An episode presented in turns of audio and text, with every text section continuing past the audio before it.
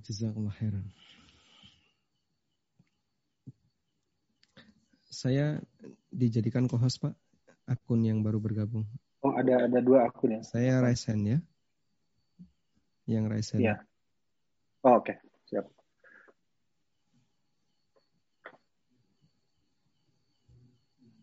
Baik. Nah, ya. Sudah siap.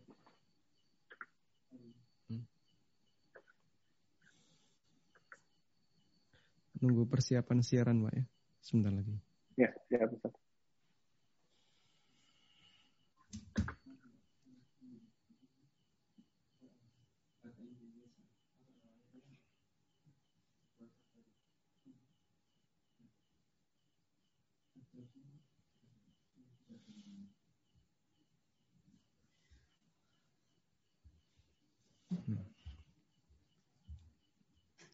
Assalamualaikum warahmatullahi wabarakatuh. Alhamdulillah hamdih. Wa ashhadu an la ilaha illallah wahdahu la syarikalah. Ta'ziman di majdih. Wa ashhadu anna Muhammadan abduhu wa rasuluh. Sallallahu alaihi wa ala alihi wa sahbihi wa sallama tasliman katsira. Thumma amma ba'd. Alhamdulillah, puji syukur kita haturkan kehadirat Allah Azza wa Jalla di malam hari ini kembali kita melanjutkan kajian rutin membahas buku Fikih Muyassar dan kita masih berada di bab tentang masalah salat.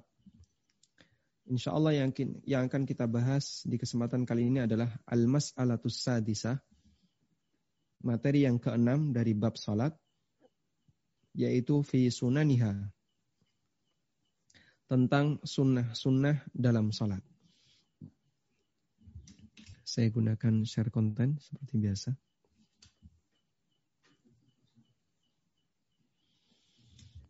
Nah.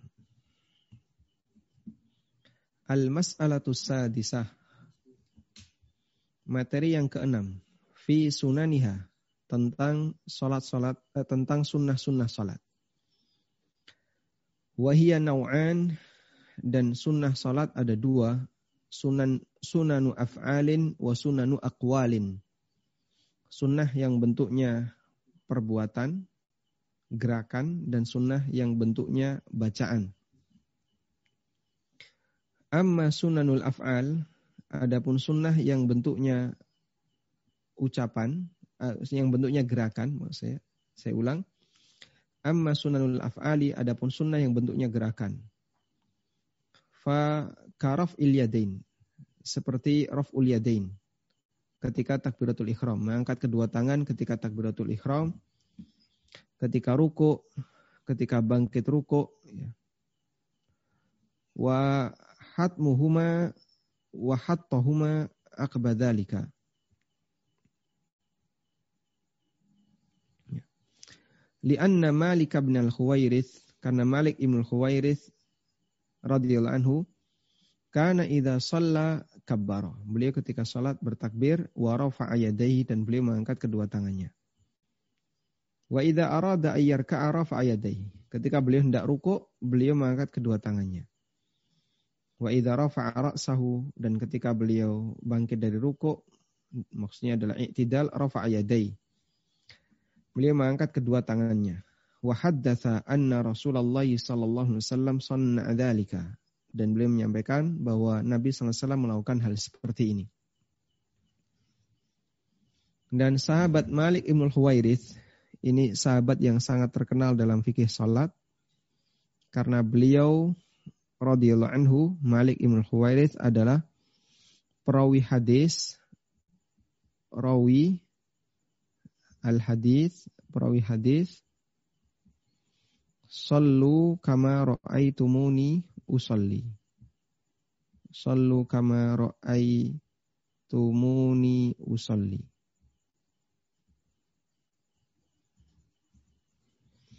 Salatlah kalian sebagaimana kalian melihatku salat. Itu adalah hadis dari sahabat Malik Ibnul Huwairith. Kemudian termasuk di antara sunnah dalam bentuk gerakan adalah meletakkan tangan kanan di atas tangan kiri dan diletakkan di dada ketika berdiri. Bersedekap ketika berdiri. Wa fi maudhi'i sujudihi.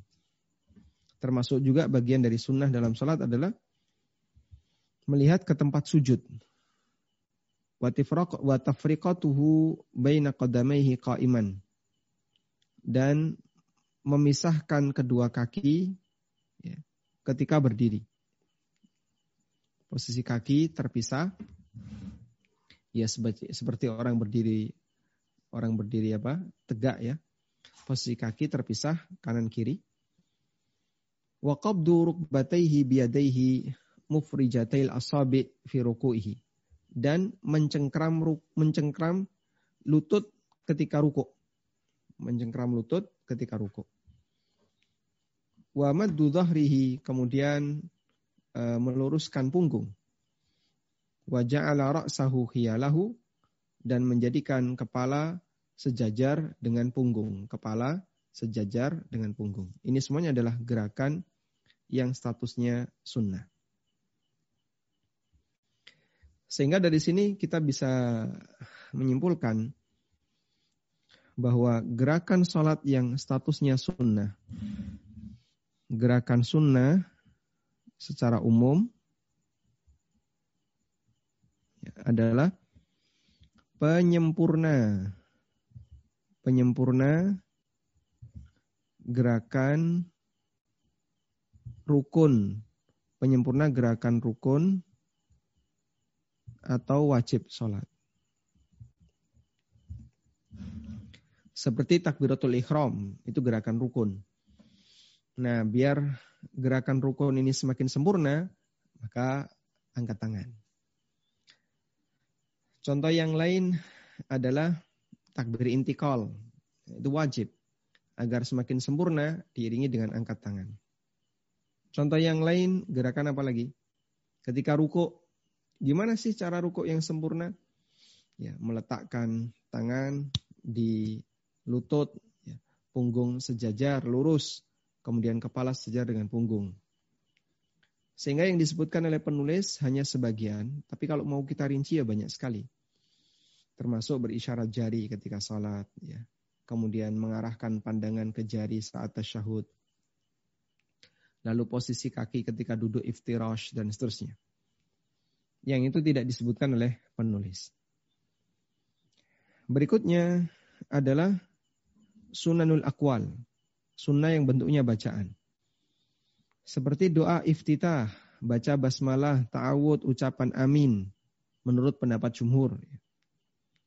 Az-ziyada ala kiraatil fatihah, membaca surat tambahan setelah al-fatihah.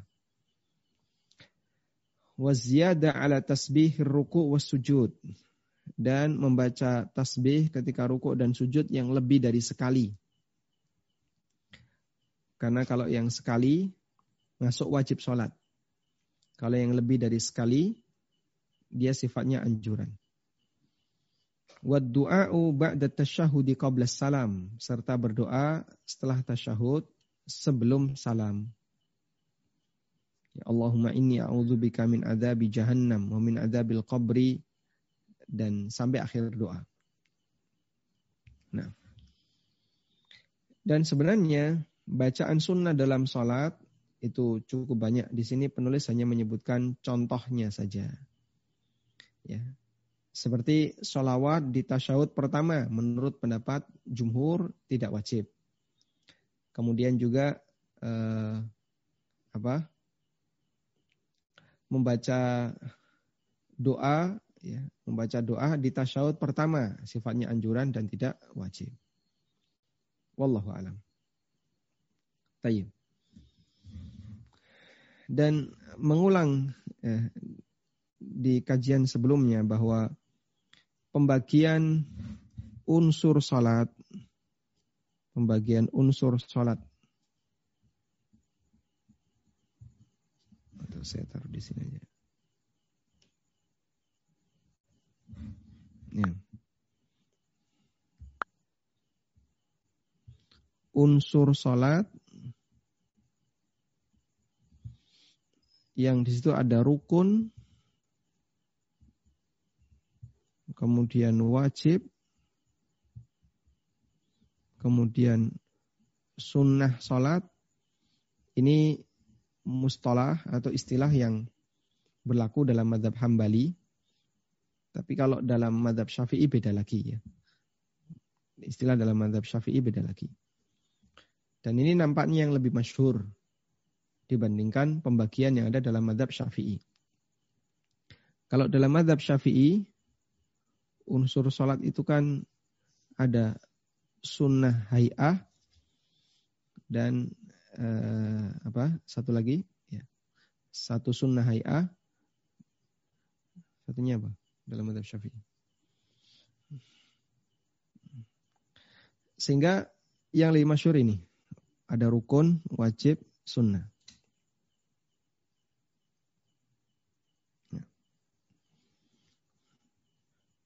Sementara penulis dari kitab Fikih Muyassar sunnah abad dan sunnah hay'ah ya. Sempat terlupa. Ada sunnah hay'ah, ada sunnah abad. Dan yang lebih masyur pembagian dengan metode ini ya. Selanjutnya kita beralih ke masalah pembatal sholat. Al-mas'alatus sabi'ah. Permasalahan yang ketujuh. Mubtilatuha. Pembatal-pembatal sholat ya betulus uh, yubtilus salata umurun nujammiluha fima ya'ti. Ada beberapa hal yang bisa membatalkan salat. Kami sebutkan secara global sebagai berikut. Yang pertama adalah semua pembatal toharoh adalah pembatal salat. Yubtilus salata ma yubtilut toharoh semua yang menjadi pembatal toharoh adalah pembatal sholat. Apa saja pembatal wudhu, ngentut, apalagi buang air, terus apalagi menyentuh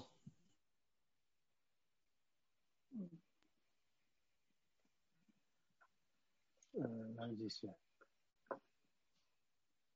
Hambali misalnya.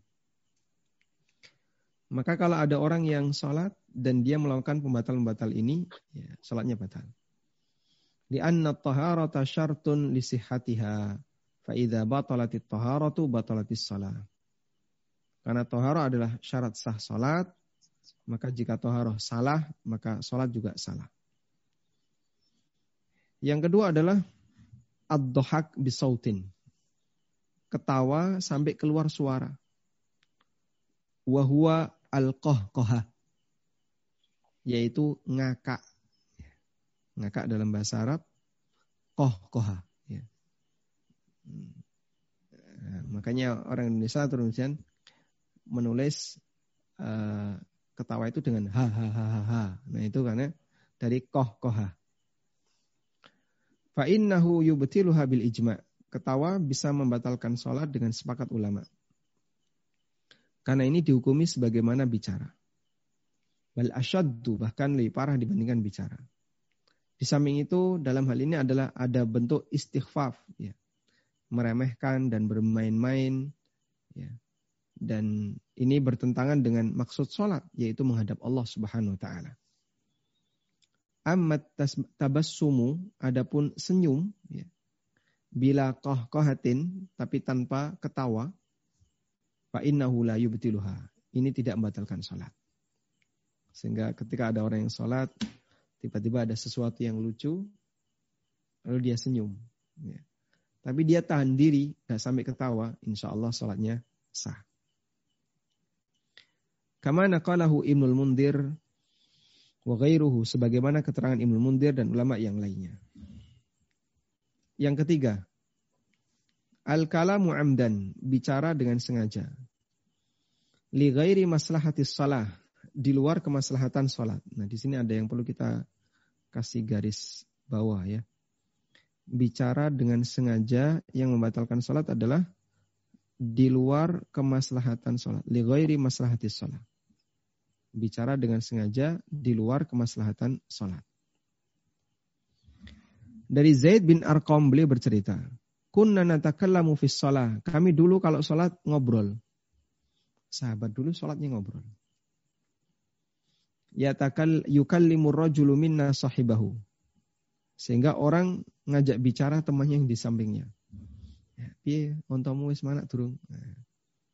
Piye kabare? Ya. Itu lagi sholat. Bahas kayak gitu. Wahwa ila janbihi fis salah, yaitu temannya yang berada di sampingnya ketika sholat hatta nazalat sampai turun firman Allah Ta'ala wa qumu lillahi qanitin dan berdirilah untuk menghadap Allah qanitin dengan tenang. Yang dimaksud dengan qanitin adalah ya, sakitin, tenang, diam. Fa'amara nabi sukuti wa nahana anil kalam. Allah perintahkan kita untuk diam dan Allah larang kita untuk bicara. Sehingga diam dalam salat uh, hukumnya wajib. Ya. Kecuali mengucapkan yang ada hubungannya dengan salat seperti doa dan seterusnya. Fa'in takallama jahilan kalau dia bicara sementara dia nggak tahu aunasian atau lupa la tabtulu salatuhu maka salatnya nggak batal. Kadang ada orang yang latah ya. Sehingga dia itu kagetan. Ketika sholat ada geledak. Eh copot, copot. Nah, gitu kan. Copot, copot. Apanya yang copot? Ya. Tapi itu karena latahnya itu. Sehingga suara itu spontan keluar. Bagaimana hukumnya? Tidak batal sholatnya. Sehingga orang ketika sholat tiba-tiba awas. Nah, gitu ya. Karena kaget. Insya Allah tidak batal sholatnya karena dia melakukan itu di luar kesengajaan. Nah. Tapi kalau sengaja batal ya. Dalil tentang ini adalah hadis, dalil tentang ini nanti Anda bisa hafalkannya. Tentang ini adalah uh, hadis dari Muawiyah Ibnul Hakam. Muawiyah Ibnul Hakam. Muawiyah Ibnul Hakam radhiyallahu anhu beliau pernah bicara dalam salat.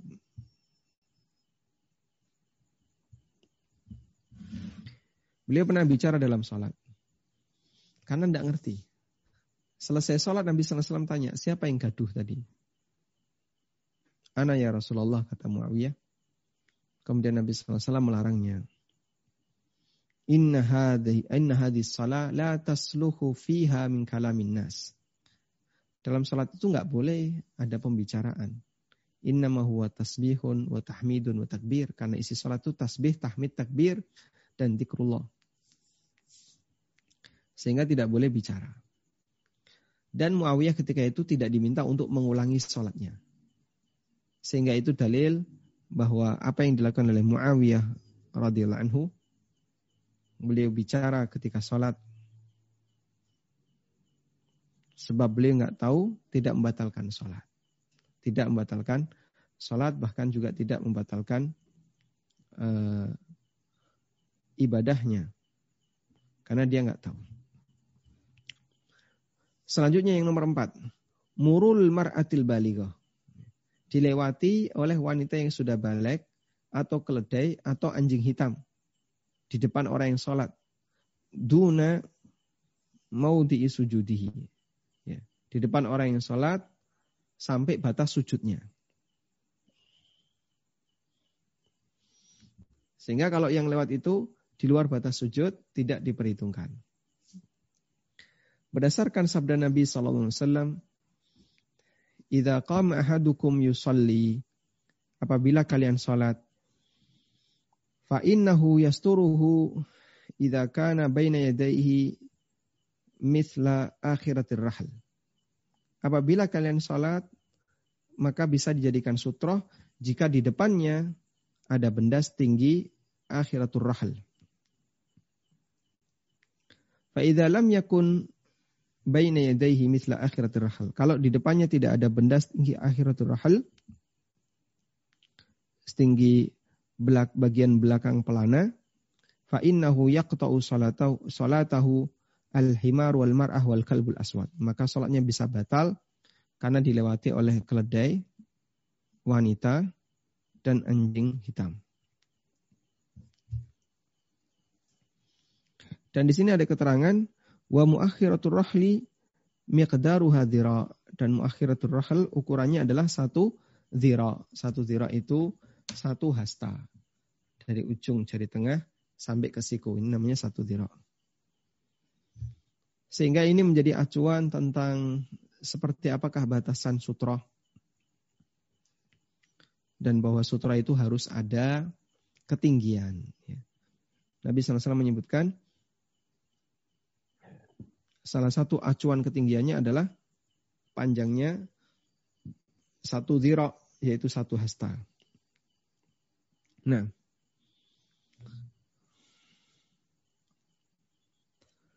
tentang hadis bahwasanya orang bisa putus sholatnya atau batal sholatnya disebabkan karena tiga yang melewati. Ini sama sekali tidak ada unsur penghinaan kepada wanita tidak ada. Ya, sehingga apa yang dikatakan oleh orang liberal, ya, keledai dengan wanita serta kanjing hitam disamakan, kanjing hitam disamakan ini nggak benar.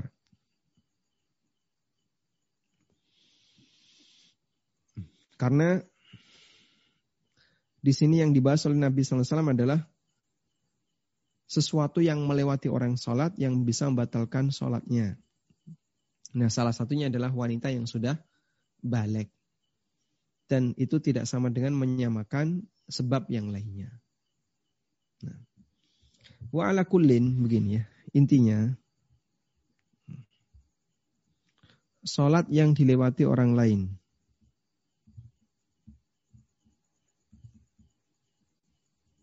Salat yang dilewati makhluk lainnya. Baik. Sholat yang dilewati oleh makhluk yang lain. Yang pertama, bisa membatalkan. Yang kedua, yang kedua, mengurangi pahala.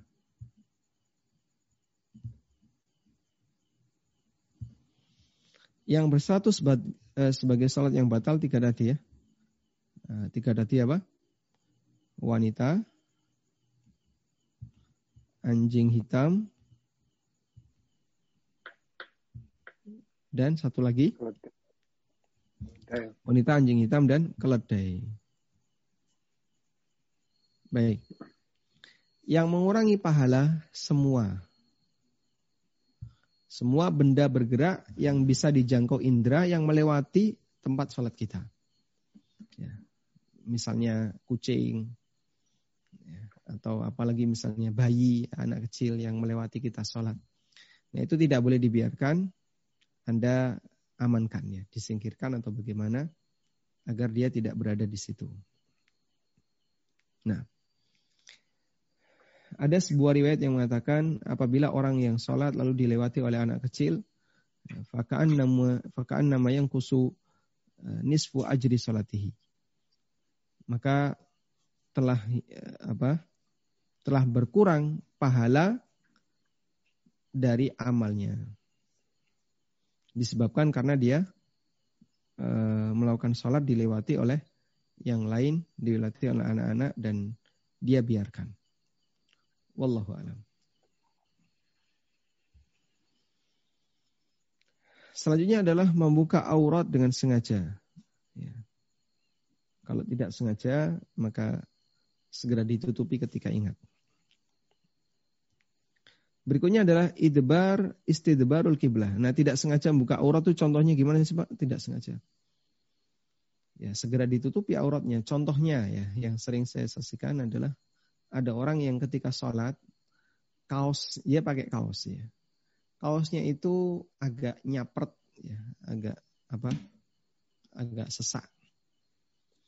Sehingga saat dia ruku, itidal sujud, nah, terbukalah celananya bagian belakang. Sampai kadang kelihatan underwearnya. Nah kalau dia sadar sebenarnya dia membuka aurat maka segera ditutupi.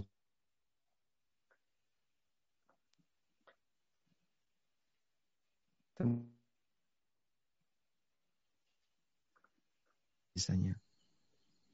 Yang keenam adalah istidbarul kiblah. Di antara pembatal sholat adalah membelakangi kiblat. Karena menghadap kiblat itu syarat sah sholat, berarti kalau membelakangi kiblat menghilangkan syarat sah sholat dan itu batal sholatnya. Yang ketujuh, itisalun najasa bil musalla atau bil musalli yang lebih tepat. Ya. Orang yang sholat nyambung badannya dengan najis. Ma'al ilmi biha, sementara dia tahu. Wa tadhkuruha idzalam yuzilha fil hal. Dan dia ingat-ingat ketika uh, keberadaan najis itu karena tidak dibersihkan secara langsung. Nah, sehingga ketika ada najis di badan dan orangnya tahu batal sholatnya. Di garis bawahi ma'al ilmi biha. Orangnya tahu. Berarti kalau ada najis dan orangnya nggak tahu, ya, ada najis, ya, kemudian uh, orangnya nggak tahu, orang yang sholat nggak tahu.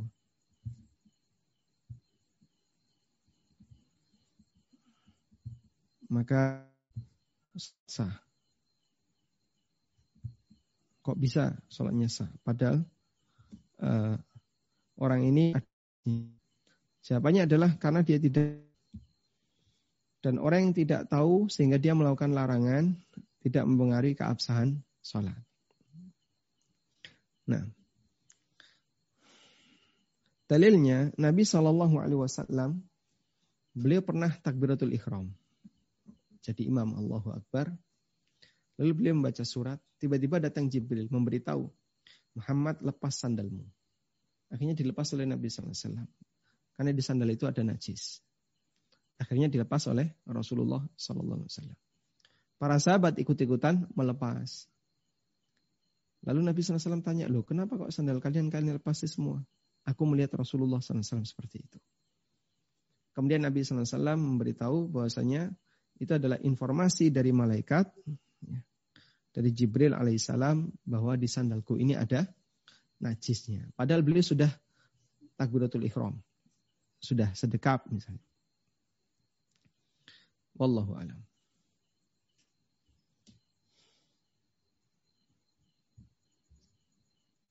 Kemudian di antara pembatal berikutnya adalah meninggalkan salah satu rukun sholat atau salah satu syarat sholat secara sengaja tanpa ada uzur. Yang kesembilan terlalu banyak bergerak tanpa min ghairi jinsiha li ghairi daruratin. Ya. Terlalu banyak bergerak dari uh, gerakan yang berbeda-beda dan tidak ada kebutuhan seperti makan, minum dengan sengaja yang ke yang ke-10 adalah al-istinatu li ghairi udhrin. Li'anna al-qiyama syartun lisihatiha. Bersandar atau nyender padahal dia nggak punya udur. Ya. Maka sholatnya batal karena berdiri termasuk di antara syarat sah sholat wajib. Wallahu a'lam. Selanjutnya yang ke-11. Di sini beliau menyebutkan ada 15 ya. Secara sengaja menambahkan rukun. Menambahkan rukun berupa fi'li, rukun gerakan. Seperti tambahan ketika ruku, ketika sujud. Ya. Li'annahu yakhullu bi'atuha fatabtulu isma'an.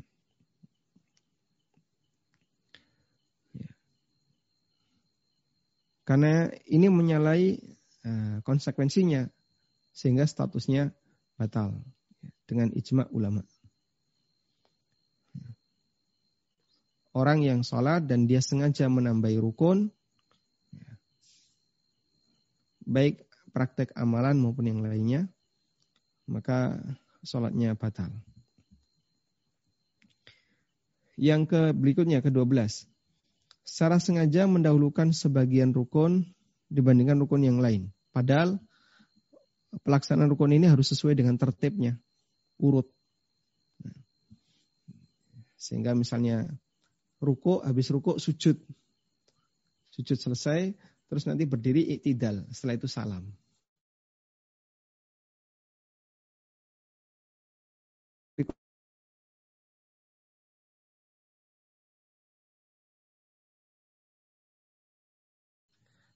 Selanjutnya adalah ta'ammudu ihalatil makna fil qiraah. Secara sengaja mengalihkan makna dalam qiraah. Maksudnya adalah qiraatul Fatihah. Karena ini termasuk di antara rukun. Yang ke-15 fashun niyah. Membatalkan niat karena ragu bilfas atau karena masalah utang piutang. Lianna istidamatan niyati syartun. Karena keberadaan niat untuk sholat adalah bagian dari syarat sah sholat. Wallahu a'lam. Ada 15 ini yang disebutkan oleh penulis uh, terkait pembatal-pembatal sholat. Wallahu a'lam. Baik.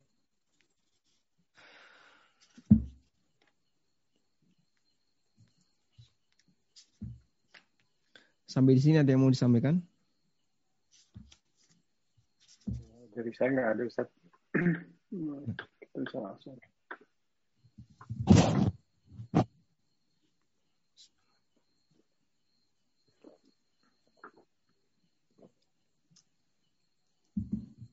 Oh, akun Ustaz ini ada ada yang mengangkat tangan. Uh, Ibu Tati, silahkan di unmute. Bismillah. Assalamualaikum Ustaz. Uh, kalau kita pakai uh, sutra dan kita hanya tinggal uh, kita hanya sholat sendiri di rumah wanita, uh, apakah masih perlu? Tidak ada anjing, tidak ada tidak ada wanita lagi, hanya saya sendiri di rumah misalnya. Terus apakah tetap apply pakai sutra walaupun kita sholat sendirian di rumah? Nah, menggunakan Terus kedua, sutra. Iya, nah. keduanya sekaligus saja. Nomor 15 itu tadi membatalkan niat. Kadang-kadang orang yang sudah tua saya, kadang-kadang otak kita ini, loh tadi saya sholat apa ya? Ini masih sunnah atau masih wajib? Iya, piye, piye, caranya piye? Misalnya begitu. Saya lebih baik, ya sudah diulangi lagi. Nah, itu disahkan atau memang harusnya begitu karena niatnya tidak jelas seperti syarat yang nomor 15 ini tadi. Berarti lupa nama sholatnya Bu ya? Enggak, lupa sholat hmm. apa, duhur, asar, atau ini masih sunnah. Oh gitu. Iya, hmm. itu kan niatnya juga enggak genah. Saya sudah hmm. Allahu Akbar. Loh, ini tadi sunnah atau sudah? Karena duhur lebih-lebih kan banyak sunnah, sholat ini, wudhu ini, ini. Eh, orang tua seperti saya maklum lah. Jadi eh, eh, bisa jadi itu, loh ini masih sunat qabla duhur yang kedua atau ini sudah wajib? Saya ragu-ragu biasanya saya ulangi aja sudahlah mulai baru lagi. Nah ini menjadi habit uh, akhirnya juga tidak baik itu di otak saya. Saya khawatir menggunakan sesuatu menambah-nambah yang yang termasuk tidak termasuk di dalam rukun atau wajib maupun sunnah sulat salat. Nah, lihat rekaman CCTV nggak bisa ya? Sorry? Nggak ada CCTV. CCTV nggak ada Ustaz. ya, rekaman CCTV. Tayyib. Cukup Ibu? Sudah, cukup. Insya Allah, sementara ini. Baik. Untuk yang pertama tadi ya, tentang Sutra. apakah kita disyariatkan untuk memasang sutroh padahal kita sholat sendirian?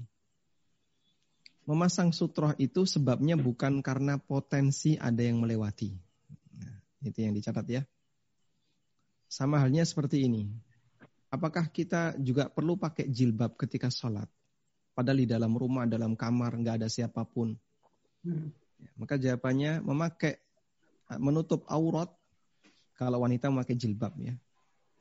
Menutup aurat dalam bentuk memakai jilbab bagi wanita ketika sholat sebabnya bukan karena keberadaan orang yang akan melihat dia, bukan. Tapi itu bagian dari hak sholat. Kalau menutup aurat kan syarat, ya, syarat sah. Sedangkan untuk mengambil sutroh ini masuk kategori apa? Jumhur mengatakan itu sunnah sholat. Karena itu dianjurkan bagi orang yang mau melaksanakan sholat untuk mengambil sutra dan mendekat ke arah sutra. Sehingga kalau di dalam rumah, ya dia mendekat ke tembok atau benda apa pun yang bisa dijadikan sebagai sutra. Ya meskipun kalau nggak pakai sutra tidak mempengaruhi keabsahan sholat. Karena kita bicara di bagian sunnah. Lain kalau menutup jilbab, eh, eh, menutup aurat tadi ya. Ini kita bicara dari sisi syarat sah. Kalau nggak menutup aurat ya batal sholatnya. Tapi untuk yang kedua yaitu masalah sunnah itu disyariatkan karena itu bagian dari hak sunnah sholat. Dan Nabi SAW perintahkan itu. Beliau bersabda, La tusallu illa ila sutratin.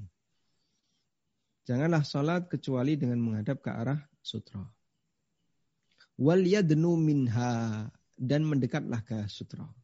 Sehingga kalau kita sudah mengambil sutra, meja atau kursi, kita mendekat ke arah itu.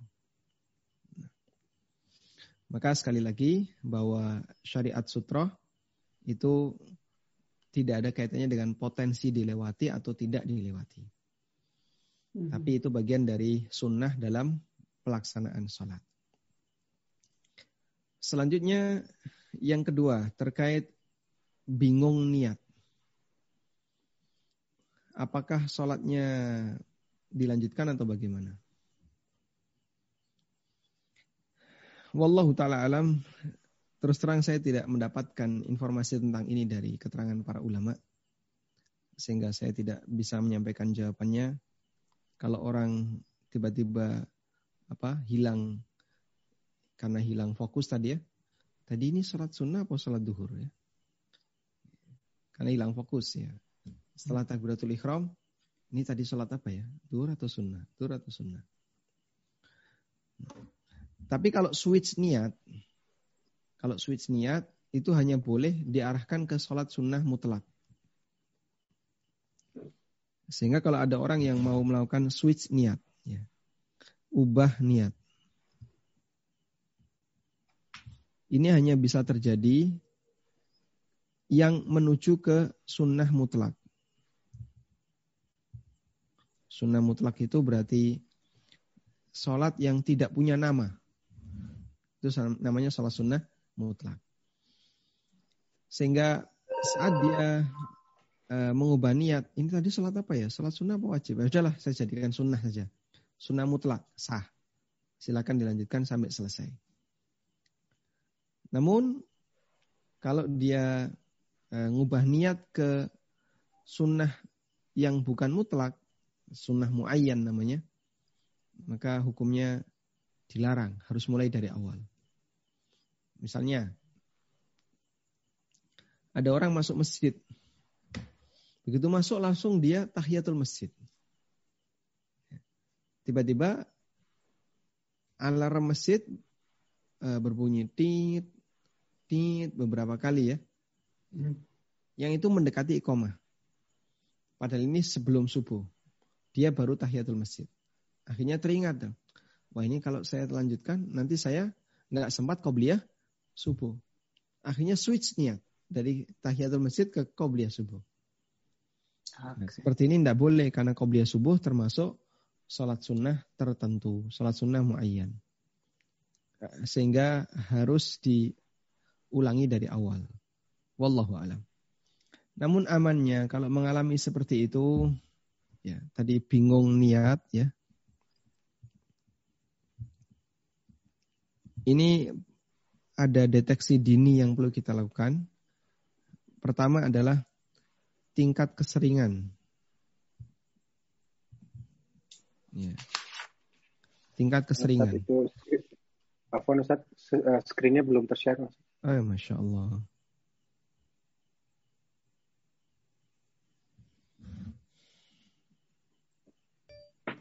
Alhamdulillah.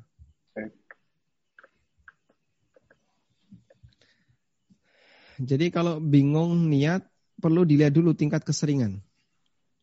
Kalau terlalu sering, hampir tiap kali sholat selalu bingung seperti itu. Ini pasti was-was. Kalau terlalu sering ini pasti was-was.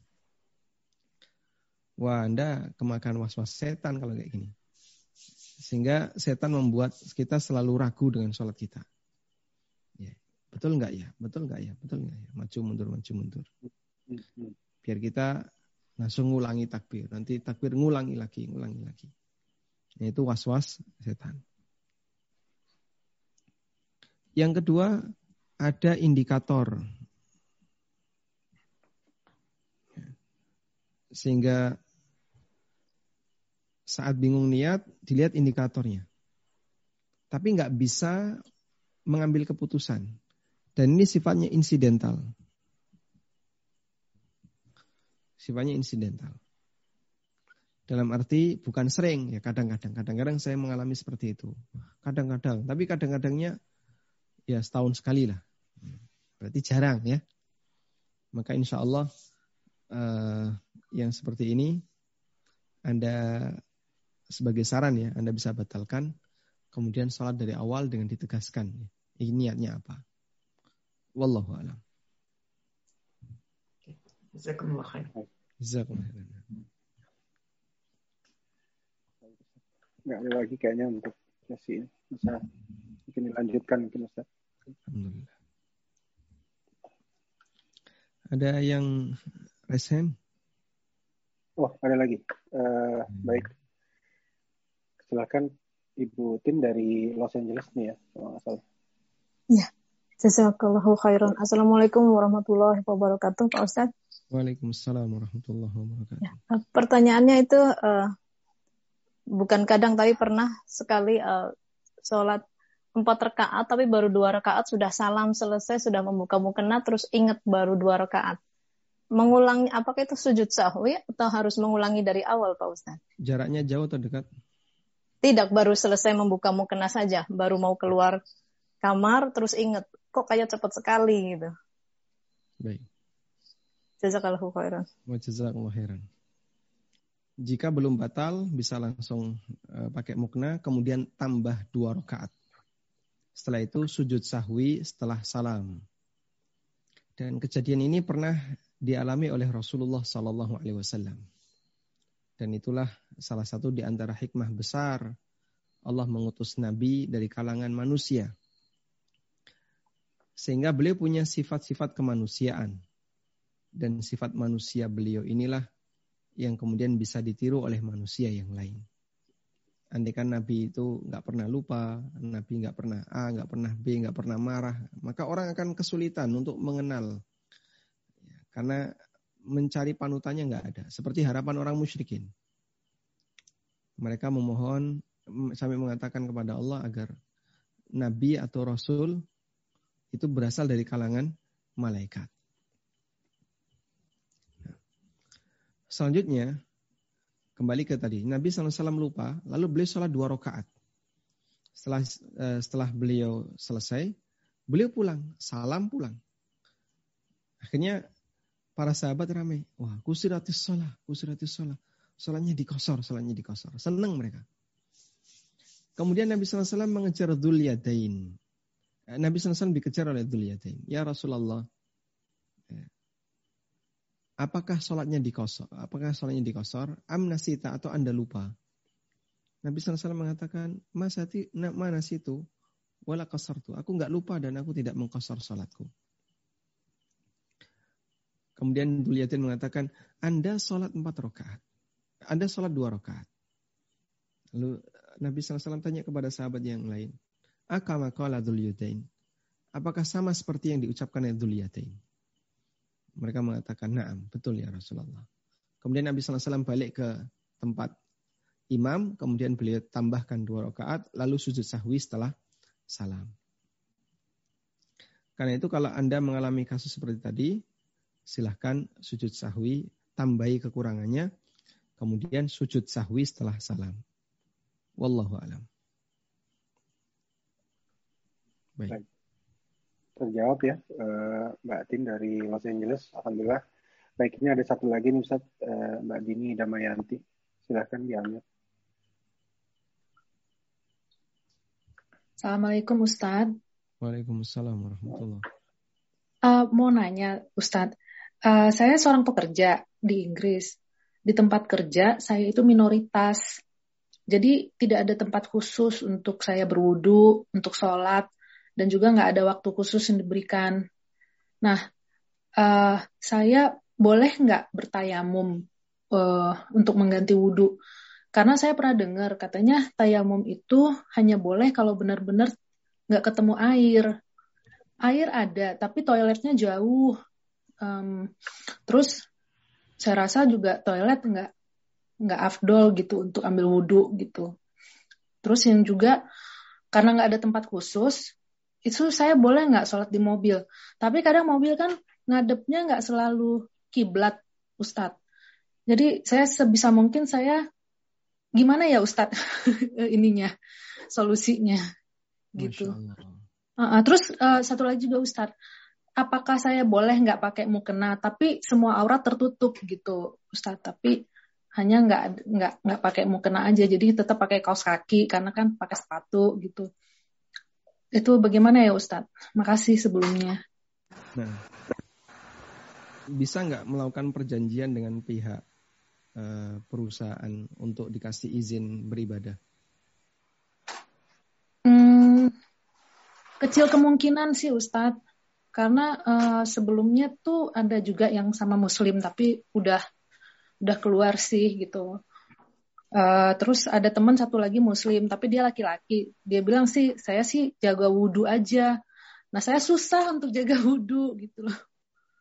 Karena kadang-kadang mesti ke toilet gitu. Baik. Yang pertama untuk bersucinya anda tetap wajib wudhu karena hmm. seperti cerita, uh, kondisi yang anda ceritakan jika masalahnya hanya toilet jauh, jika masalahnya yang toilet jauh, tetap harus berwudu. Sehingga mm-hmm. ibu harus tetap berwudu ya, mm-hmm. semampunya. Dan tidak boleh tayamum. Belum memenuhi syarat untuk bisa tayamum. Hukum asal harus berwudu. Oke. Okay. Kemudian yang kedua, untuk sholat di mobil, boleh atau tidak? Selama di mobil bisa berdiri silahkan. Tapi kalau nggak bisa berdiri nggak boleh. Karena sholat wajib, bagian dari rukun sholat wajib adalah berdiri.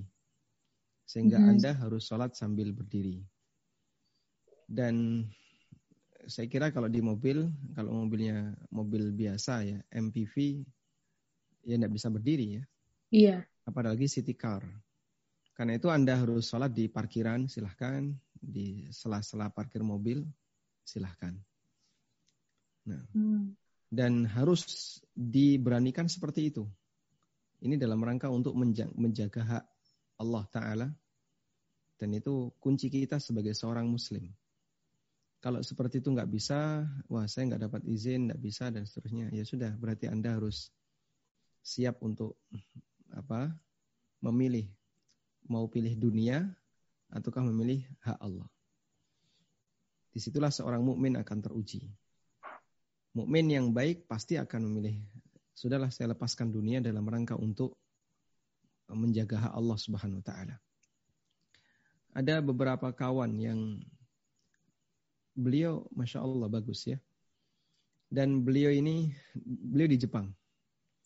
Lalu beliau setelah pulang ikut di sebuah LPK, lembaga pelatihan kerja yang menyalurkan uh, para TKI ke Jepang. Nah, ada salah satu di antara ini TKW ya, TKW di domestic helper. Lalu setelah ditanya, boleh nggak saya sholat? Majikannya bilang nggak bisa. Saya puasa nggak boleh. Ya sudah, tak balik lagi. Balik dia ke Indonesia. Dia sudah keluar biaya banyak. Dan kata teman saya, saya baru nemu satu itu. Rata-rata kan ya, ya sudahlah diterima saja apa adanya. Biar nanti dapat duit ya. Karena sudah keluar modal besar. Ya. Tapi jadinya kaum muslimin lemah sekali. Ya. Hanya untuk sebatas sebuah pekerjaan sampai dia harus meninggalkan sholat. Ada juga pertanyaan yang pernah disampaikan oleh Ustadz yang disampaikan kepada Ustadz Aris Munandar, guru saya. Ada seorang domestic helper yang dia nggak bisa sholat kecuali di toilet. Majikannya kalau melihat dia sholat marah. Dan kalau terlalu lama di kamar marah. Kalau lama di toilet nggak apa-apa. Mungkin dikiranya apa diare gitu ya. Akhirnya gimana yang seperti ini? Beliau kasih jawaban yang sangat tegas. Resign. Nggak ada pilihan yang lain. Dia harus keluar. Ya mohon maaf mengundurkan diri. Karena posisi seorang muslim harus menjaga wibawanya. Saya seorang muslim. Dan bentuk menjaga wibawa seorang muslim adalah mempertahankan hak Allah Subhanahu wa taala. Jangan sampai digeser disebabkan karena keberadaan apa aktivitas kerja atau yang lainnya.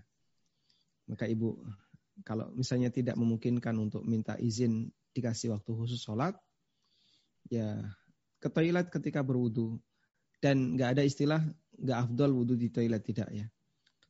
Bukan syarat wudhu harus di tempat yang harus di tempat yang terbuka pakai keran, bukan syarat. Oke. Okay. Wudhu boleh di toilet. Okay. Bahkan bukan syarat wudhu harus menutup aurat. Kalau yang disyaratkan harus menutup aurat, menghadap kiblat, kemudian di tempat yang tidak ada najis, ini sholat. Tapi kalau wudhu nggak ada syarat itu. Sehingga wudhu di toilet silahkan. Wallahu a'lam. Oke. Okay. Ya. Alhamdulillah. Uh, ini pokok bahasan berikutnya adalah apa hal-hal yang makruh ya dalam sholat ya Ustaz? Nah, hal yang makruh dalam sholat cukup banyak ini ya. Cukup banyak. Gimana nih Ustaz? Apa kita lanjut ke pokok bahasan berikut baru tanya jawab atau? Baik. Saya tambahkan sedikit tentang hal yang makruh dalam sholat. Bu, sebentar. Untuk Ibu Tim kita tunggu sebentar ya. Kita bahas dulu, lanjutkan dulu sebentar. Baik.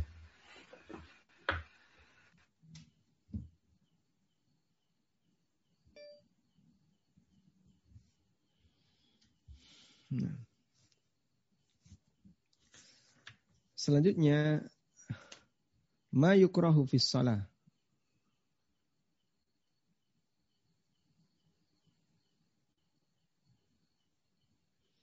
Apa yang dimakruhkan dalam salat? Yukrahu fis salati al umurut taliyah. Ada beberapa hal yang makruh dalam salat. Pertama adalah membaca Fatihah saja di dua rakaat yang pertama. Karena ini menyalahi sunnah Nabi Sallallahu Alaihi Wasallam dan petunjuk beliau ketika sholat Sallallahu Alaihi Wasallam. Yang kedua mengulang Fatihah. Karena ini juga menyalahi sunnah Nabi Sallallahu Alaihi Wasallam. Namun in karraroha jika dia ulang karena kebutuhan, misalnya ka'ayyakuna fatahul khusyuk wa khudurul qalbi. Misalnya karena dia tadi waktu baca nggak khusyuk atau kurang maksimal dalam tadabbur ketika membaca. Lalu dia mau ngulang agar hatinya bisa fokus tadabbur Al-Fatihah, fala ba'sa hukumnya boleh.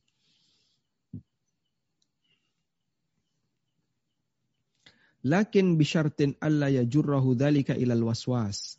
Namun dengan syarat tidak sampai menyebabkan dia termakan waswas.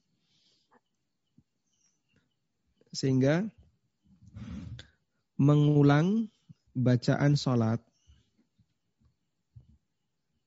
mengulang bacaan sholat, itu ada tiga ya. Pertama, mengulang karena sebab was-was. Dan sebenarnya nggak boleh diulang yang seperti ini. Ini dilarang. ada bacaan yang dia nggak boleh diulang. Contohnya takbiratul ikhram itu nggak perlu diulang. Allahu akbar. Allahu akbar. Allahu akbar. Eh, kamu ini sholat apa? Sholat id atau sholat apa? Enggak pak, saya sholat sholat subuh. Loh kok kayak gini? Saya nggak mantap tadi. Allah tak ulang. Nggak boleh, nggak boleh ngulang kayak gini. Ini jadinya was-was. Dan itu yang sering ya. Allah batal. Allah batal. Allahu Akbar. Batal. Masya Allah. Coba orang kayak gini jadi imam. Gimana ya makmumnya? Allahu Akbar. Makmum di masjid yang gede. Gitu. Makmumnya pada takbir Allahu Akbar. Batal. Jamaah batal jamaah. Kita ulang ya. Allah. Ada ini orang yang muaswis muwaswis itu orang yang kena penyakit was-was. Nggak bisa dia jadi imam. Yang kedua, yang kedua, mengulang bacaan yang bisa diulang, ya. Tapi eh, dan sebabnya untuk tadabur, mengulang untuk tadabur. Ini boleh ya. Dan dulu Sallallahu Alaihi Wasallam pernah melakukannya. Beliau sholat ini terutama untuk bacaan surat ya. Bacaan surat baik Fatihah maupun surat setelahnya. Nabi Shallallahu Alaihi Wasallam pernah mengulang-ulang firman Allah Subhanahu Wa Taala. In tu'adzibhum fa innahum ibaduk wa in taghfir lahum fa innaka fa innaka antal azizul hakim. In tu'adzibhum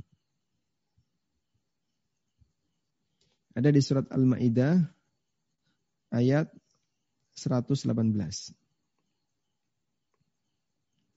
In tu'adzibhum fa innahum ibaduk. Wa in taghfir lahum fa innaka antal azizul hakim. Al-Maidah ayat 118. Coba kita baca. Nah. Ada apa dengan ayat ini sampai Nabi Shallallahu Alaihi Wasallam mengulang-ulangnya? Karena beliau merasa kasihan dengan umatnya. Coba kita scroll 100.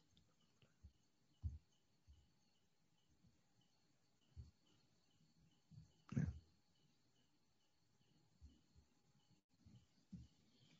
In tu'adzibhum fa innahum ibaduk. Wa in taghfir lahum fa innaka antal azizul hakim. Ya Allah, jika engkau menghukum mereka, jika engkau menyiksa mereka, mereka itu hambamu ya Allah.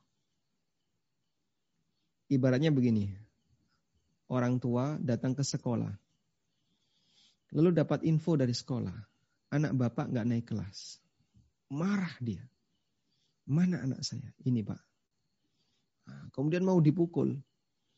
Guru mengingatkan, Pak, kalau ini bapak pukul, ini anakmu pak. Begitu ya. Sehingga orang tua mungkin kemudian sadar, ya percuma saja. Ini yang tak pukul anak saya sendiri. Yang rugi juga saya sendiri. Nabi SAW mengulang-ulang ayat ini. Karena beliau memikirkan kondisi umatnya. In tu'adzibhum fa innahum ibaduk. Kalaupun engkau menyiksa mereka ya Allah, mereka ini hambamu. Makhluk yang kau ciptakan sendiri makhluk yang telah kau beri rizki, yang kau beri kehidupan, mereka yang kau ciptakan. Wa in taghfir lahum dan jika engkau mengampuni mereka ya Allah fa innaka antal azizul hakim. Sesungguhnya engkau zat yang maha perkasa. Tidak ada yang bisa protes terhadap keputusanmu karena engkau al-aziz. Dan engkau adalah al-hakim zat yang maha bijaksana. Keputusanmu bukan keputusan sembarangan, tapi keputusan yang bijak. Sehingga beliau menangis sambil mengulang-ulang ayat ini berkali-kali. Menangis ketika sholat. Ada juga sebagian ulama yang beliau mengulang firman Allah Ta'ala iya karena budu iya karena nasta'in. Iya karena budu iya karena nasta'in. Kemudian nangis. Lalu diulangi dari awal. Wallahu alam, seingat saya ini adalah Fudail bin Iyad, ulama tabi tabiin. Ketika beliau baca Fatihah hanya terhenti di karena budu iya karena nasta'in. Iya karena budu iya karena nasta'in. Karena beliau menghadirkan perasaan. Aku nggak bisa apa-apa kalau bukan karena pertolongan Allah. Hanya kepadamu ya Allah, aku mohon pertolongan. Sehingga ibadah yang aku kerjakan kayak gini, nggak mungkin berhasil kalau bukan karena pertolongan Allah. Nah, tadabur seperti ini diperbolehkan. Dalam rangka untuk mengingat atau mengulang seperti ini dibolehkan dalam rangka untuk tadabur. Nah, yang ketiga, ya, mengulang karena merasa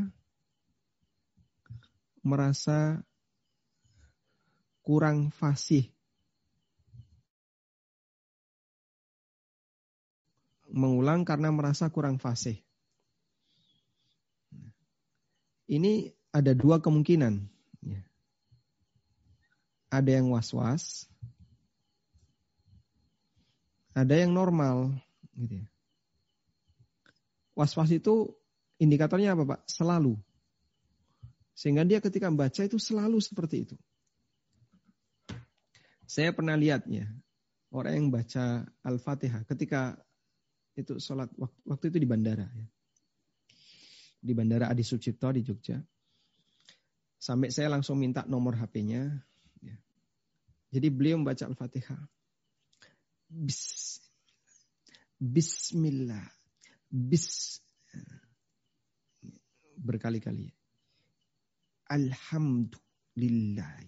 Jadi sampai mulutnya itu Masya Allah ya kadang dibuka lebar di ya alhamdulillah maksimal dia ketika dia mengucapkan iya karena butuh iya kak itu masya Allah berulang-ulang gagal diulangi lagi gagal diulangi ini was-was ini orang kayak gini perlu diobati Pak baca fatihah dengan normal saja Pak jangan ngotot-ngotot coba baca tak dengerin lah bisa bagus sudah pakai itu aja Pak Jangan kayak gini. Nanti jadinya satu rokaat nggak selesai-selesai. Lama sekali, cuman mengulang-ulang. Bismillah. Bis, bis, bis. Ini sinnya sin di saatnya. Bismillah. karena gara-gara was-was. Yang kedua karena normal. Nah kalau normal ini tidak masalah. Sama seperti imam yang dia merasa salah lalu diulang. Dan ini imam masjid besar seperti Masjidil Haram, Masjid Nabawi kadang juga melakukannya. Sehingga ada uh, apa misalnya kurang merasa kurang panjang, kurang pendek, lalu diulang lagi. Yang ini boleh. Ya. Tapi ini kan biasanya cuma sesekali. Nah yang dilarang yang ini. Murni karena was-was. Bismillah, Alhamdulillah. Tidak boleh. Ya. Wallahu alam.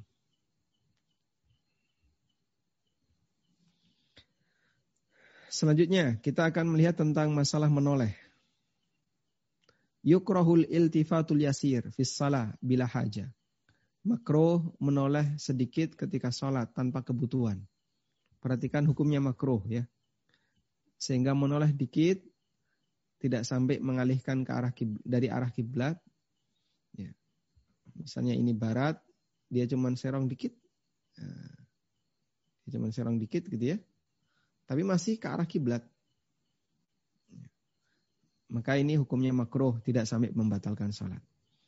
Nabi SAW pernah ditanya tentang noleh ketika sholat.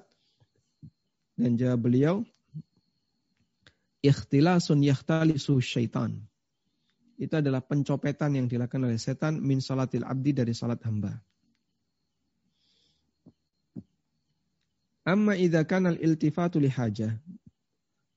Namun jika menolak itu karena ada kebutuhan, fala sabih, hukumnya boleh. Seperti orang yang butuh untuk ayat fulaan yasari, untuk meludah ke arah kiri ketika sholat tiga kali.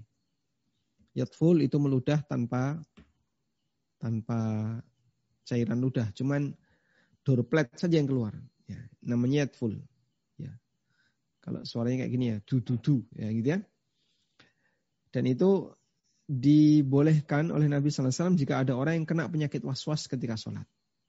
Sholat tiba-tiba pikiran bayangin yang gak karuan. Nah, segera dihentikan.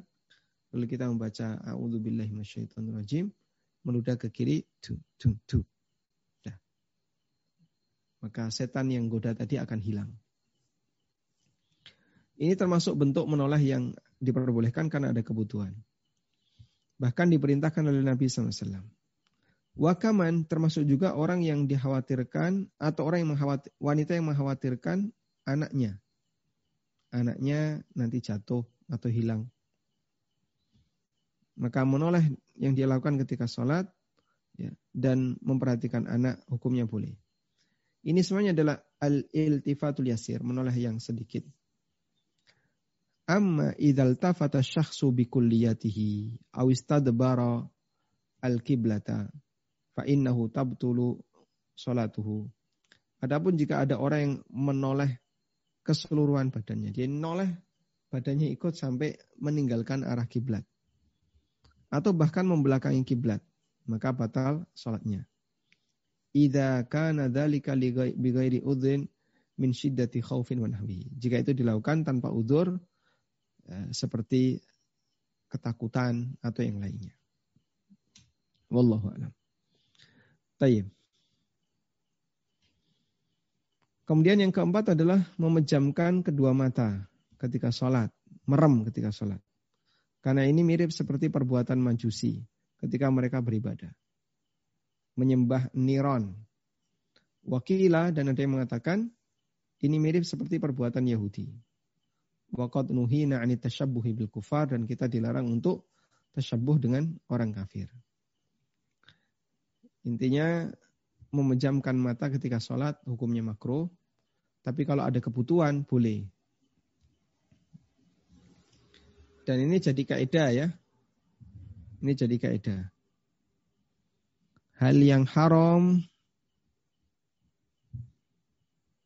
ya, karena darurat boleh. Makruh karena kebutuhan boleh. Sehingga haram jadi boleh jika ada darurat, makruh menjadi mubah jika ada hukum boleh. Wallahu alam. Jika ada kebutuhan ya. Makruh menjadi mubah jika ada kebutuhan. Tayyib. Nah, memejamkan mata ketika sholat kalau ada kebutuhan, ulama membolehkan. Contohnya, Pak, Ya, misalnya di depannya banyak sekali gangguan. Kemudian ada anak yang mondar mandir ganggu, lalu dia nggak khusyuk, maka dia berusaha untuk khusyuk dengan memejamkan mata sesaat sesuai kebutuhan, hukumnya boleh. Wallahu alam. Nah. masih ada banyak lagi ya Uh, di sini baru kita sampaikan empat. Nah. Wallahu alam. Wassallallahu ala Muhammadin wa ala alihi wa sahbihi wasallam. Alhamdulillah Ustaz. Uh, mungkin karena pekan depan kita mungkin bisa bahas lagi nih Ustaz. Jadi kita lanjutkan mungkin pekan depan. Bismillah kita masuk ke sesi tanya jawab. Sebelum kita ke pertanyaan yang langsung, ada yang sudah menitip pertanyaan karena sudah lama tadi menitipnya. Saya bacakan dulu. Bismillah. Uh, makruh hukumnya dalam sholat hanya baca Al-Fatihah tanpa surat lain. Apakah berlaku untuk sholat wajib saja atau untuk sholat sunnah juga Ustaz? Hmm. Ini berlaku untuk sholat wajib yang tadi disebutkan oleh penulis adalah dua rakaat pertama di salat wajib. Dua rakaat pertama duhur, asar, maghrib, isya, dan subuh. Kalau subuh kan nggak ada rakaat yang ketiga ya. ya. Nah, kalau hanya baca fatihah saja makruh. Wallahu alam. Uh, baik, kita akan ke Ibu Tim Umrayan di Los Angeles lagi. Sekali lagi silakan. Ya, Jazakallahu khairan Pak Ustadz. Uh, tadi yang menyambung uh, rukun sholat itu yang harus berdiri itu. Uh, saya suka uh, melakukan ini kalau dalam perjalanan terus ada adzan di HP saya. Uh, seketika itu saya cari tempat untuk minggir dan untuk sholat, tapi sambil duduk karena ingin sholat tepat waktu. Seringkali saya melakukannya, saya ulang kembali di rumah dengan posisi sempurna. Tetapi pernah beberapa kali lupa tidak melaksanakannya lagi, Pak Ustadz. Lalu apakah sholat saya yang tadi di mobil itu atau dalam perjalanan itu kondisi duduk atau di di mana gitu, apakah tidak sah itu Pak Ustadz? Sementara saya tidak mengulangnya. Di negara yang Bapak Ibu tinggal saat ini ya, untuk sholat di tempat umum itu termasuk masalah besar atau bagaimana? Nah, Ibu di, dimatiin ya, dimatiin.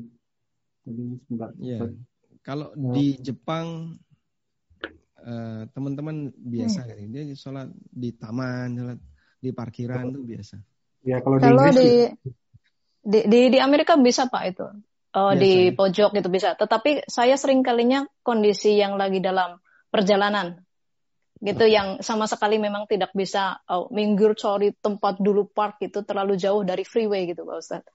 Oh, parkir nggak bisa. Iya lagi di freeway di jalan tol itu ya minggir hmm. minggir ke minggir jadi nggak bisa turun ke pinggir jalan itu terlalu mengundang apa ya memang perhatian banyak orang mungkin atau bagaimana gitu uh, di pinggir jalan raya gitu uh, freeway biasanya jarang rest oh, iya. area apa iya kecuali memang harus keluar benar-benar cari kampung itu kalau di jalan tol itu kan memang lurus sekali nggak ada di rest area itu nggak ada kecuali exit cari perkampungan gitu uh, di pom bensin berhenti terus turun seperti itu. Iya. Pilihannya harus seperti itu. Kalau ibu misalnya hmm. harus nunggu tiba di rumah terlalu jauh dan masih lama, sementara anda mau sholat tepat waktu, ya berarti harus cari exit tempat yang aman untuk bisa sholat sambil berdiri. Selama bisa untuk berdiri. Ya. Ya. Yang nggak memungkinkan berdiri itu misalnya di kereta kan, nggak mungkin terus nunggu kereta minta berhenti sejenak saya tak turun nggak bisa ya. Jadi tinggal. Yang mungkin uh, di mobil pribadi maka cari exit untuk sholat. Bisa. Iya. Lalu hukumnya yang uh, saya sering-seringnya mengulangnya, selalu mengulangnya, tetapi ada beberapa kali saya lupa tidak mengulangnya di rumah. Jadi berarti sholat saya yang tadi di mobil itu tidak sah Pak Ustadz misalnya. Mengulangnya bagaimana itu? Oh, jadi dosa. Nah, ada dalam madhab syafi'iyah ya. Orang yang, ini keterangan An-Nawawi.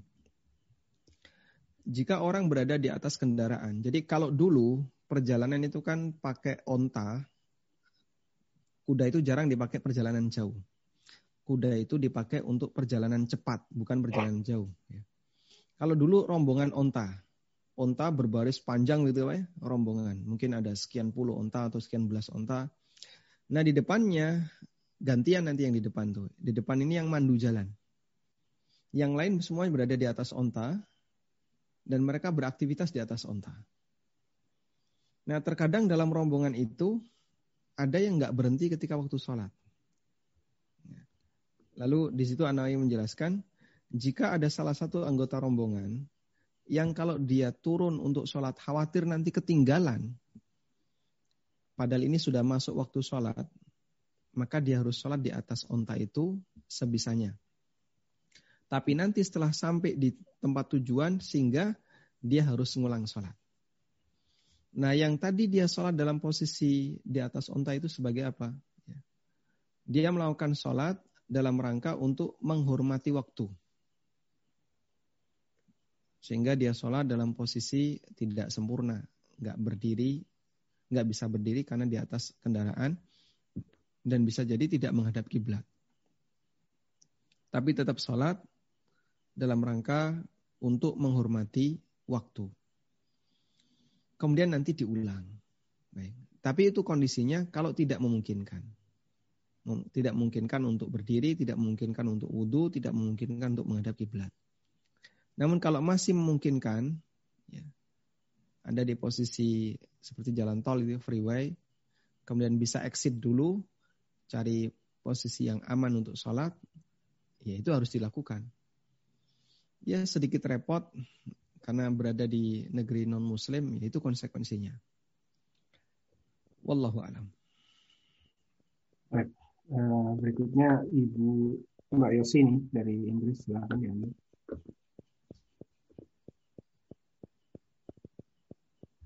mbak Yosi silakan diambil.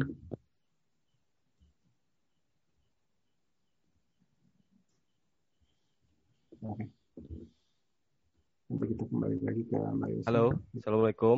Ya, Waalaikumsalam warahmatullahi Silakan. Ya, uh, salam kenal uh, Ustadz saya yang pertama ini ikut Ustadz. Uh, salam juga ke mukminin mukminat. Salam teruntuk juga Pak Rasid sebagai admin. Masya Allah, barakallahu fiikum. Ya, saya bertanya Ustadz, uh, cukup ini Ustadz ya mengganggu karena kami di Indonesia kalau anak-anak itu selalu dipinggirkan di dalam sholat, uh, putus saf di, di, di, di, disampaikan. Sampailah waktu itu saya bilang anak saya uh, sudah 6 ke 7 tahun dalam Al-Quran bahwa anak-anak itu harus diajari sholat ya. Nah anak saya juga udah tidak mengganggu, tidak lari sana lari sini. Akhirnya mungkin disampaikan sama saya oleh penjaga masjid sudah ada uh, putusan MUI bahwa anak-anak di Indonesia beda sama anak-anak di luar karena anak-anak di luar itu seperti di Timur Tengah, uh, kitan itu mulai dari umur 1, 2, 3 hari, sedangkan anak saya juga belum kitan sampai di kelas, uh, sampai di umur 5 tahun, Ustaz. Nah, jadi najis. Nah, terus saya sampai, saya datang langsung ke ke, ke MUI, nah saya sampaikan, kenapa dikatakan najis? Saya bilang gitu kan, uh, di, kalian putuskan najis, saya tanya. Uh, karena anak-anak itu, maaf pas uh, tempat air kecilnya itu uh, suka netes. Saya kasih tahu juga saya kasih gambar gitu. Allah itu menciptakan makhluk mulai dari anak-anak nggak mungkin najis, pasti ada penutupnya. Nah penutupnya anak-anak itu seperti derat itu saat asal udah kita bersihkan itu nggak mungkin netes gitu. Cuman udah diputuskan oleh mereka, eh, saya bilang Co cobalah, tolonglah kita lihat lagi seperti itu gitu kan. Eh, jangan jangan nggak benar-benar gitu ya Ustadz untuk memutuskan sesuatu, apalagi eh, itu eh, majelis ulama gitu ya Ustadz. Nah, itu satu yang mengganggu apakah saya tetap bisa lakukan itu. Anak saya yang penting saya yakin aku yakin bersih anak-anak itu tidak bernajis gitu Ustaz Allah itu ciptakan. Pasti ada penutupnya. Sama seperti kita. Kita colek aja dengan jari kita ke belakang kita sedikit. Itu jaraknya dekat banget dengan kotoran gitu Ustaz nah jadi itu satu Ustaz nah maaf Ustaz saya nanya uh, dua ini singkat juga uh, saya ingin kali tahu Ustadz, saya cari-cari juga nggak ketemu uh, bacaan Al-Fatihahnya Rasul di dalam sholat. Apakah itu uh, ada seperti uh, kata orang jiharkoh ya Ustadz ya? Atau adakah sumber-sumber yang lain dari ulama, dari mana sejatinya itu kok susah dapatnya gitu Ustadz? Terima kasih Ustadz. Bacaan apa Al-Fatihah Rasul maksudnya? Dalam sholat Al-Fatihah Rasul itu ada salah satu pendapat ulama kiroahnya jiharkoh. Jiharkoh. Ah, di harkah tulisannya. Nah, uh, kita kan uh, perlu Ustaz ya ada uh, ada ada ada tujuh macam kiroah ya uh, uh, uh, itu banyak ya uh, yang disampaikan sampai saat ini belum ada saya dapat apa lagu uh, kiroahnya Al-Fatihah Rasul di dalam sholat gitu Ustaz. Saya ingin bertanya itu Ustaz. Makasih Ustaz. Masya Allah. Nah. Barakallahu fikum. Di sini langsung saya bukakan uh, untuk kasus orang yang sholat sementara dia belum dikhitan. Di fatwa Syabaka Islamiyah, fatwa Syabaka Islamiyah ini di bawah Kementerian Agama Qatar. Ya. Kemudian di sini ada kutipan dari Syekhul Islam Ibn Taimiyah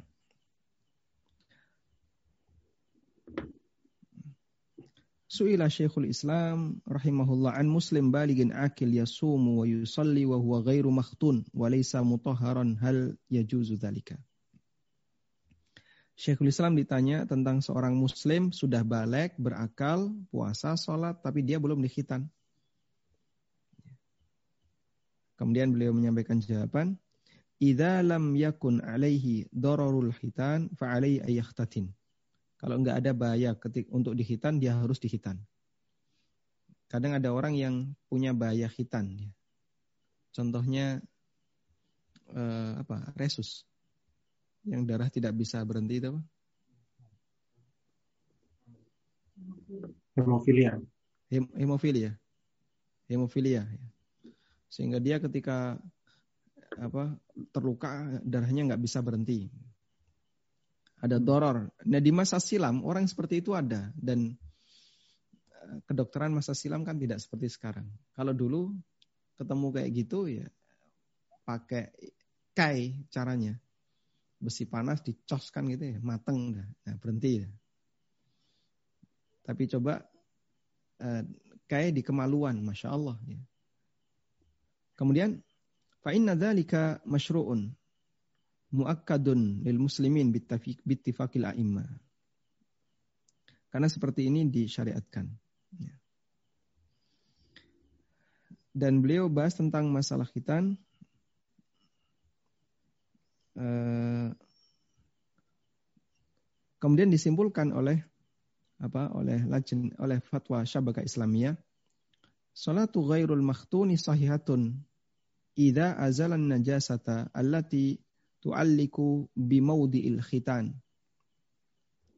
Salatnya orang yang belum dikhitan sah apabila najis yang berada di kulup ya. Kulup kan yang bagian tutup yang digunting ketika khitan itu dibersihkan sehingga di tempat itu tidak ada najis.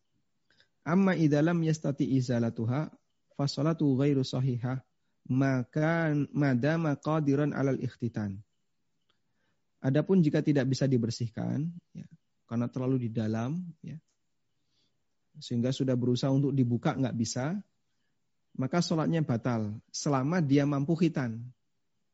Sehingga itu jadi syarat. Kamu harus khitan dulu baru bisa sholat. Kalau najisnya tidak bisa di, bersihkan.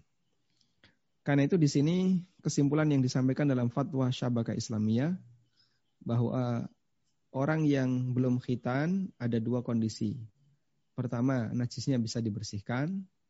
Yang kedua, najisnya tidak bisa dibersihkan. Kalau bisa dibersihkan, silahkan sholat. Kalau nggak bisa, kamu harus dikhitan. Kecuali jika dia nggak mungkin dikhitan. Pak ini kalau dikhitan bisa membahayakan nyawanya misalnya. Maka dalam kondisi ini dia darurat boleh untuk melanjutkan sholatnya. Wallahu alam. Ada juga fatwa yang disampaikan oleh atau disampaikan kepada Syekh bin Bas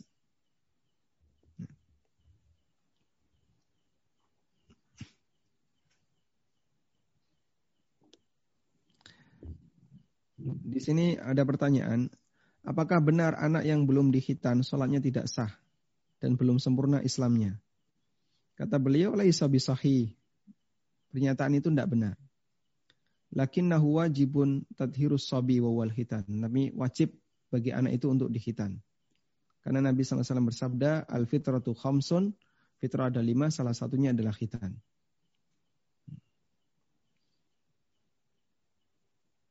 Kemudian uh, beliau lanjutkan tentang penegasan wajibnya hitan. Sehingga intinya selama masih memungkinkan untuk khitan maka dia harus khitan. Kemudian beliau mengatakan wa hatta yaslama min wujudi asya'a fi hadhil kulfah minal ausah wan najasat. Agar setelah dikhitan tidak tertinggal lagi adanya kotoran dan sesuatu yang najis di kulupnya. Lakin salatuhu sahihatun tapi sholatnya tetap sah. Lau balagha walam yahtatin salatuhu sahihah. Jika dia balik dan belum dihitan, sholatnya tetap sah. Puasanya juga sah. Wallahu alam. Sehingga wallahu alam saya uh, belum paham tentang apa tadi keterangan MUI bahwa anak yang belum dihitan sholatnya batal. Padahal kalau Anda bisa memastikan bahwa saya sudah pastikan najisnya sudah tidak ada di bagian kulub. Kok masih nggak diterima, yaitu uh, apa kebijakan pribadi mereka. Kalau secara fikih statusnya sah. Karena belum dihitan itu bukan syarat eh, tidak sampai menyebabkan syarat sah sholat jadi hilang. Bukan syarat sah sholat harus sudah hitan. Kita sudah belajar kitab fikih muyasar dan kita baca syarat sah sholat. Tidak ada keterangan hitam. Wallahu alam di fikih syafi'i saya juga tidak menemukan itu. Kalau anda menemukan nanti mungkin bisa sampaikan ke kami ya. Ya fikih syafi'i yang pernah saya baca. Ya misalnya matan takrib. Wallahu alam. Kemudian tentang kiroah Nabi Shallallahu Alaihi Wasallam. Beliau ketika baca Fatihah itu bagaimana yang riwayat yang ada Nabi Shallallahu Alaihi Wasallam membaca Al-Fatihah itu ayatan-ayatan.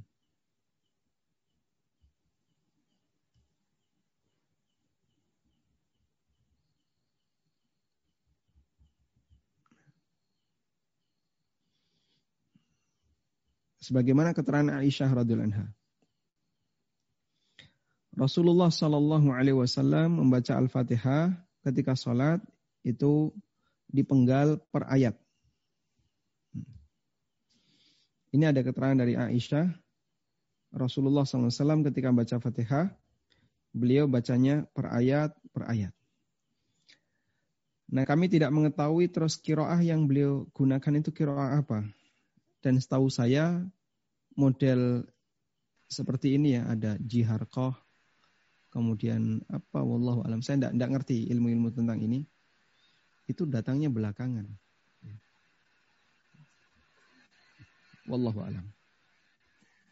Sehingga ya. apakah beliau menggunakan metode jiharko atau gimana? Tidak tahu karena rekamannya kan tidak ada ya. Nah. Alhamdulillah. Eh, baik, mohon maaf Pak Yosi tadi saya saya kira dari Inggris sahabat saya Mbak Yosi jadi mohon maaf kalau saya salah panggil mohon dimaafkan. Baik, eh, berikutnya saya share screen. Uh, berikut Pak Ustadz. Oh, apa ini kelewatan nih saya pertanyaan. Saya pernah sholat menghadap kiblat yang salah. Kemudian setelah saya selesai sholat, baru ada yang memberitahu kalau kiblatnya salah. Saya hanya e, beristighfar pada waktu itu. Lalu ya hanya beristighfar saja. Apakah saya seharusnya mengulang sholat saya, Ustaz? Iya.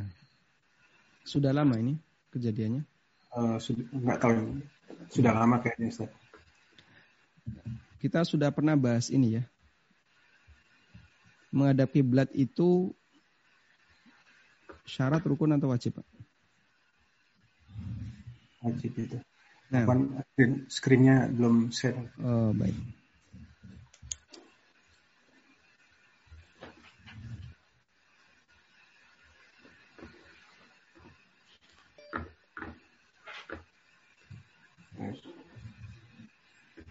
Meninggalkan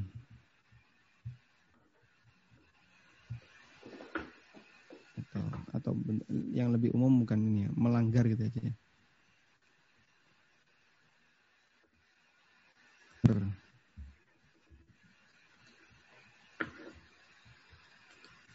Pelanggaran dalam ibadah itu kan ada dua ya. Pertama, meninggalkan yang wajib meninggalkan yang wajib.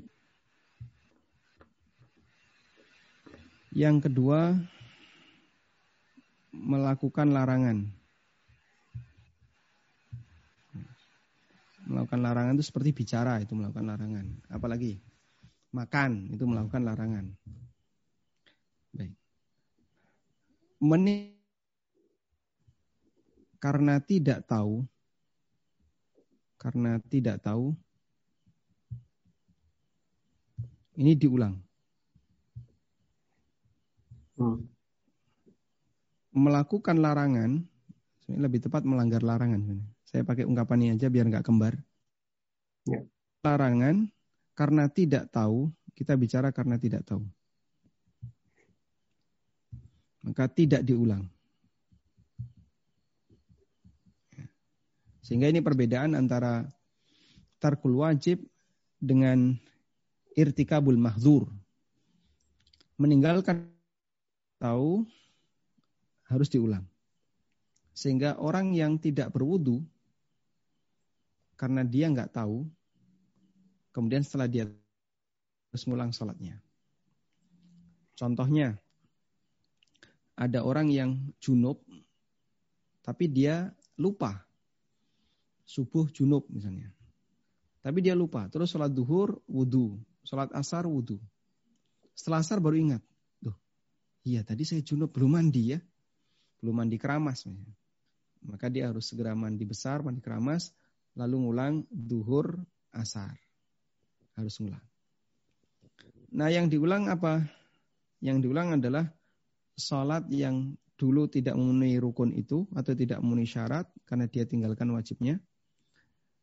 dia harus ulang itu dan jika sholat setelahnya waktunya masih ada, dia ulang sholat setelahnya. Ya. Sehingga misalnya tadi dia uh, tidak menghadap kiblat, menghadap kiblat itu termasuk wajib ya. Maka dia masuk syarat sah sholat. Sehingga tidak menghadap kiblat karena tidak tahu diulang sholatnya. Jika dia tetap bertahan.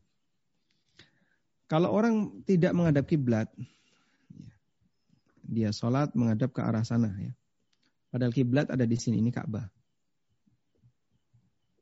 Ya. Dia diberitahu setelah dapat dua rakaat. Diberitahu. Eh Pak, kiblatnya ada di sebelah kanan. Ya. Akhirnya dia berputar ke sebelah kanan. Seketika pada saat dia diberitahu sah sholatnya. Sebagaimana praktek yang dilakukan oleh para sahabat.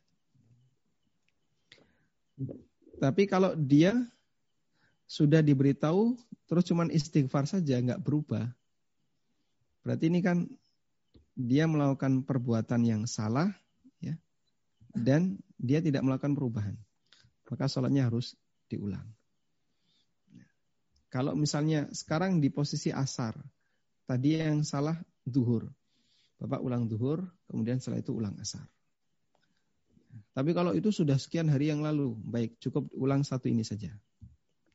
Wallahu alam. Karena di sini Anda meninggalkan bagian yang wajib dalam sholat. Nah. Alhamdulillah. Uh, apa ini ada pertanyaan yang di luar topik, tapi karena uh, dekat dengan bulan Ramadan, saya akan bacakan.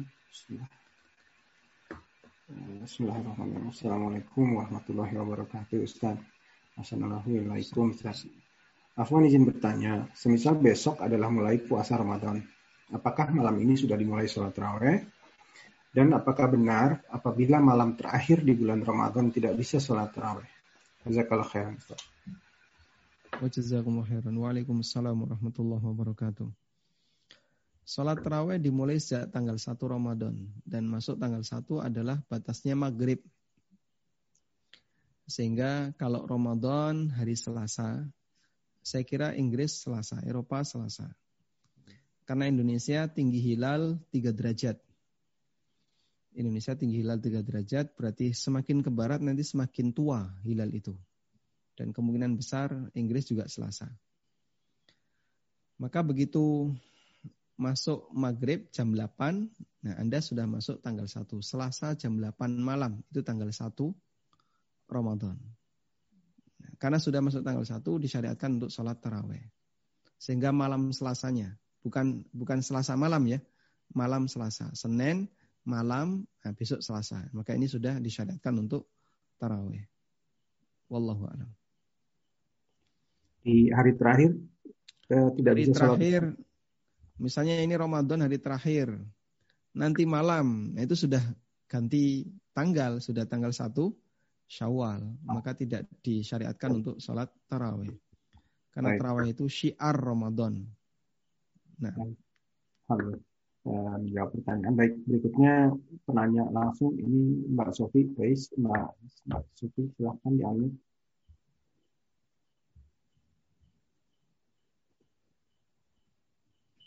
Assalamualaikum warahmatullahi wabarakatuh, Ustaz. Waalaikumsalam warahmatullahi wabarakatuh. Ustaz, saya mau menanyakan kalau untuk sholat jamaah sama terawih ya, uh, bolehkah imamnya itu perempuan? karena suami kan sakit ya, terus anak masih belum berani, tapi sekarang berani. Cuman satu kalau dia lagi tidak bisa, apakah bisa digantikan dengan saya sebagai ibunya?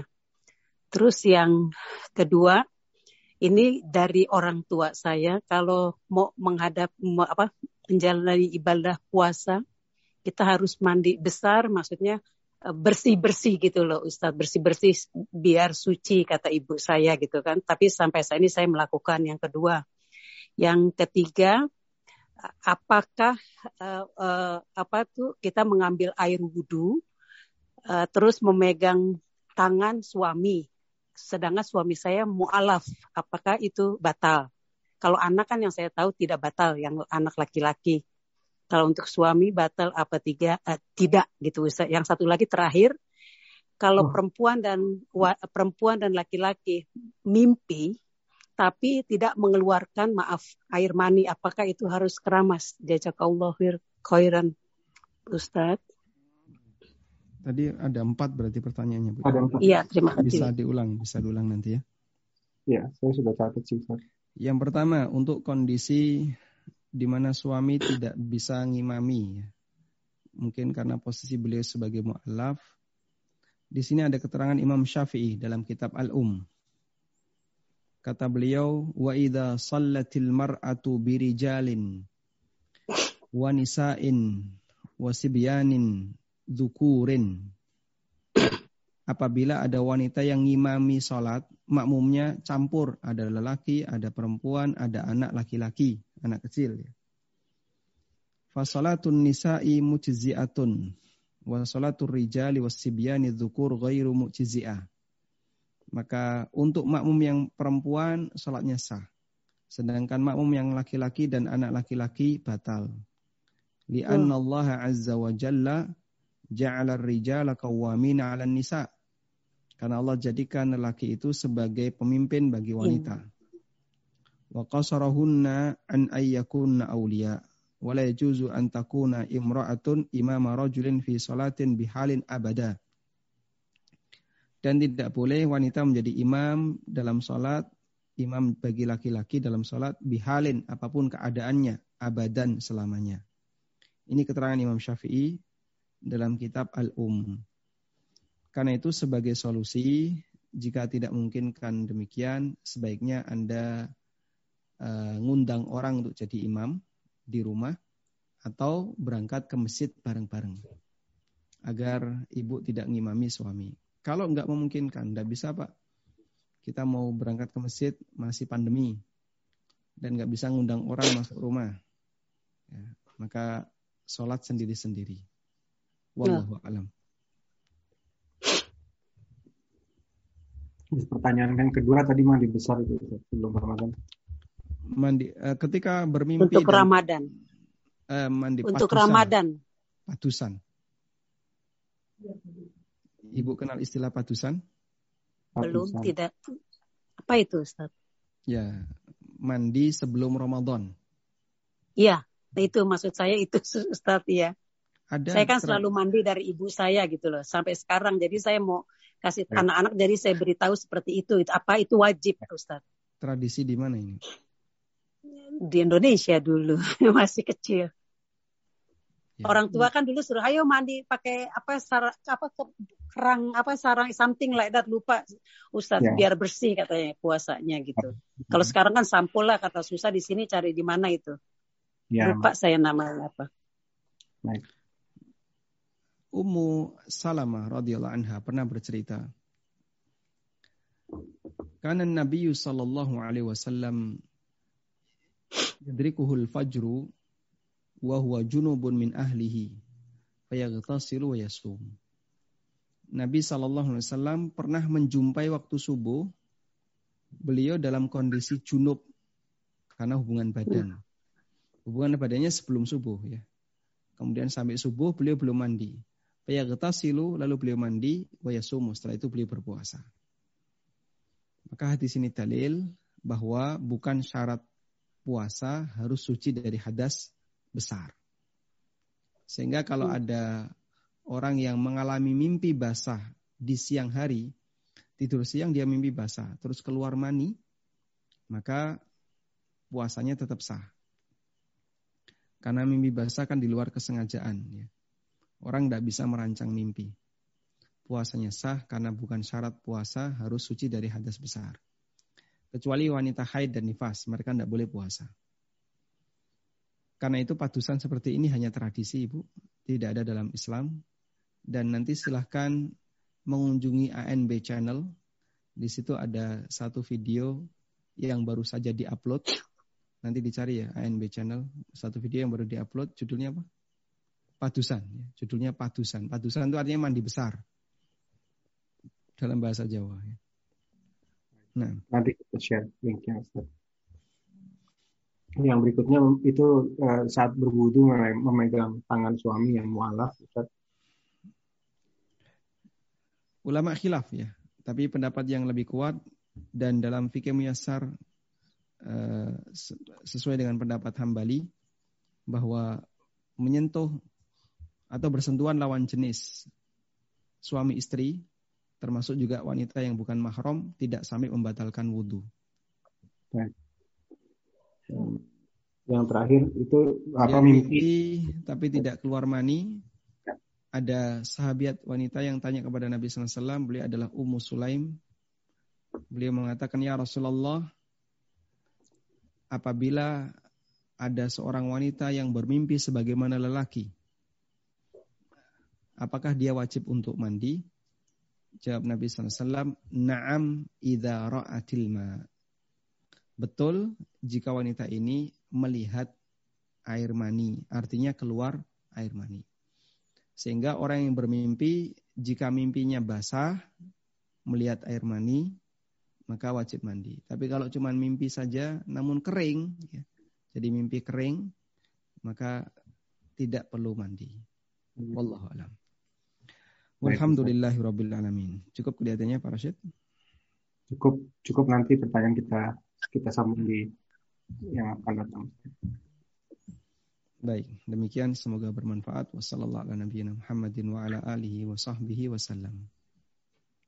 Wassalamualaikum warahmatullahi wabarakatuh. Waalaikumsalam warahmatullahi wabarakatuh. Jazakallah khair Ustaz. Nah, insya Allah kita akan bertemu kembali di pekan depan. Baik kita tutup dengan kifaratul majlis. Subhanakallahumma wa bihamdika. Asyadu la ilaha illa anta. Astagfirullah wa atubu ilaik. Kami mohon maaf jika ada kesalahan dan kekurangan. Semoga kajian kali ini bermanfaat. Barakallahu fikum. Wabillahi taufiq wa hidayah. Assalamualaikum warahmatullahi wabarakatuh. Waalaikumsalam. Warahmatullahi wabarakatuh.